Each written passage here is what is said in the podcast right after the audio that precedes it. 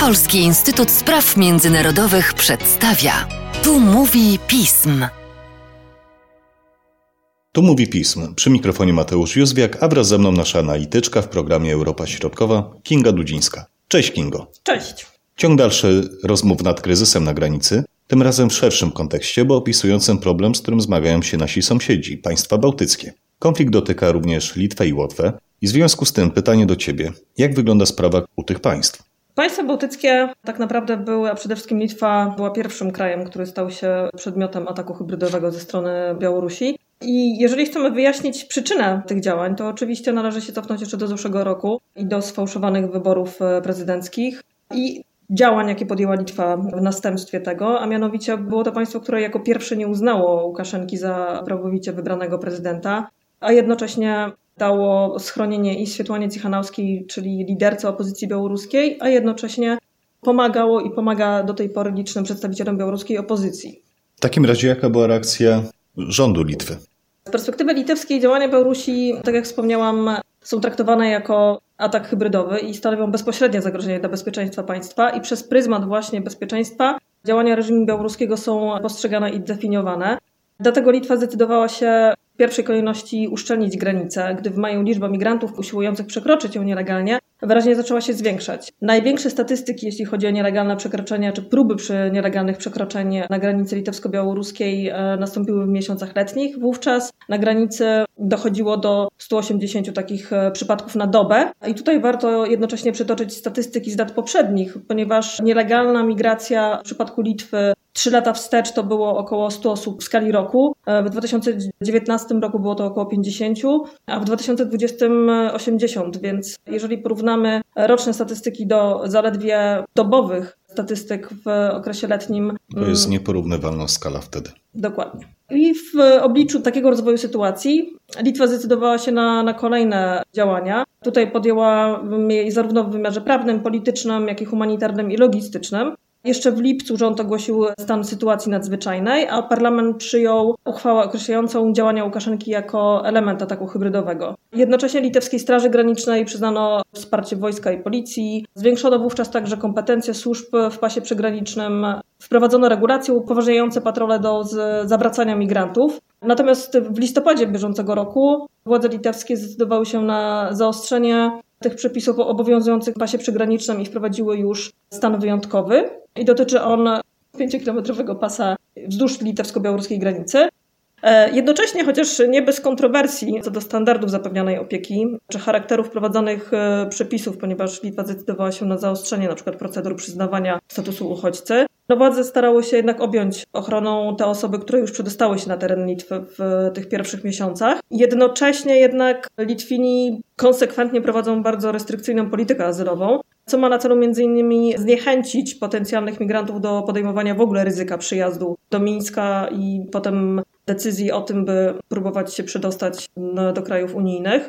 W październiku bieżącego roku z przedstawionych statystyk wynika, że 2500 wniosków, które zostały złożone od migrantów, zaledwie 1 na 900 rozpatrzonych został, został rozpatrzony pozytywnie i równolegle Litwini też zdecydowali się na budowę ogrodzenia. Litewskie władze też podjęły działania mające, mm, zabiegające o wsparcie Turcji i Iraku już w procederze z jednej strony wstrzymania lotów e, do Mińska, a z drugiej także w ramach procedury odsłania migrantów do, do, do krajów pochodzenia. Jakie działania w takim razie podjęły pozostałe państwa bałtyckie?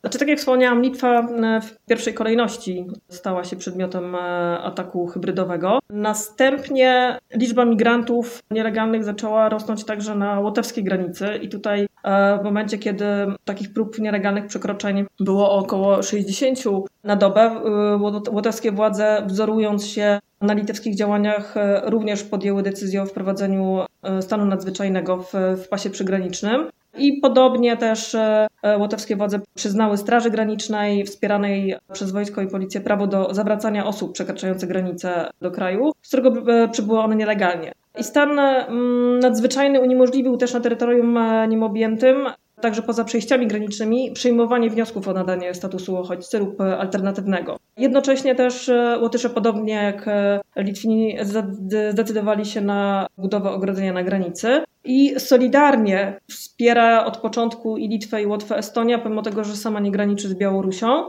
I to wsparcie polega między innymi na tym, że Estonia wysłała grupę policjantów, którzy pomagali e, w ochronie granic, przekazała także sprzęt, w tym na przykład drony do patrolowania granic. E, obecnie ze względu na to, że statystyki pokazują, że nawet w Estonii pojawiają się migranci z Białorusi, e, no Estończycy wyraźnie się solidaryzują z, państw, z pozostałymi państwami bałtyckimi i również planują wzmocnienie swojej infrastruktury granicznej. Tu oczywiście chodzi o granicę z Rosją. Jednocześnie Estonia popierając Litwę i Łotwę w ich działaniach, była inicjatorem obrad w Radzie Bezpieczeństwa ONZ w formule ARIA na początku października i przedmiotem debaty wówczas była właśnie między innymi sytuacja na Białorusi z uwzględnieniem sytuacji kryzysowej na, na granicy. Wspominałeś o rozpoczęciu rozmów z Unią Europejską i NATO w wypadku Litwy. Jak w takim razie wygląda to wsparcie? E, Litwa w momencie nasilenia się procederu sterowanej migracji zwróciła się o pomoc do Unii Europejskiej. Tak na przykład po sierpniowej wizycie przedstawicieli Komisji Europejskiej otrzymała wsparcie od Unii w wysokości 30 milionów euro. W spotkaniach wówczas brali także udział przedstawiciele Europejskiej Agencji Straży Granicznej, Przybrzeżnej, która wspiera zarówno władze litewskie, jak i łotewskie, a także przedstawiciele Europejskiego Urzędu Wsparcia e, w dziedzinie azylu czy Agencji Unii Europejskiej do spraw współpracy organów e, ścigania.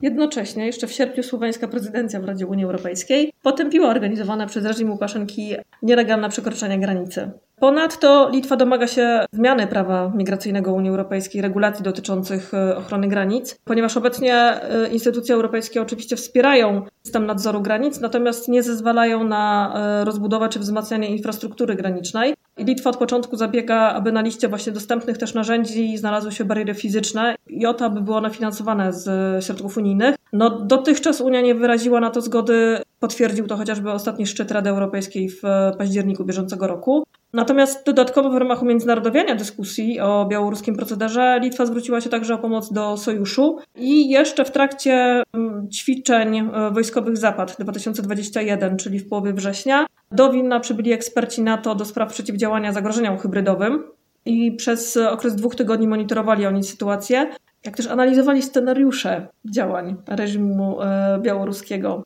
Ponadto e, podczas ostatniego spotkania Rady Północnoatlantyckiej sekretarz generalny Stoltenberg e, potwierdził solidarność NATO z państwami bałtyckimi i Polską. I obecnie tak naprawdę państwa bałtyckie cały czas podkreślają, a szczególnie prezydent Łotwy, możliwość e, powołania się na artykuł czwarty. I tutaj z ostatniego tygodnia mamy potwierdzoną deklarację państw bałtyckich, że gdyby Polska wystąpiła z takim wnioskiem, to jak najbardziej poparcie ze strony państw bałtyckich ma zapewnione. Szanowni Państwo, jak widać, sytuacja przy granicy jest rozwojowa. Będziemy komentować ją w ramach naszych podcastów. Mam nadzieję, Kingo, z Tobą również. Mam nadzieję również. A tymczasem zachęcam Państwa do śledzenia naszej strony internetowej, czytania najnowszych komentarzy i biuletynów oraz cóż, do usłyszenia.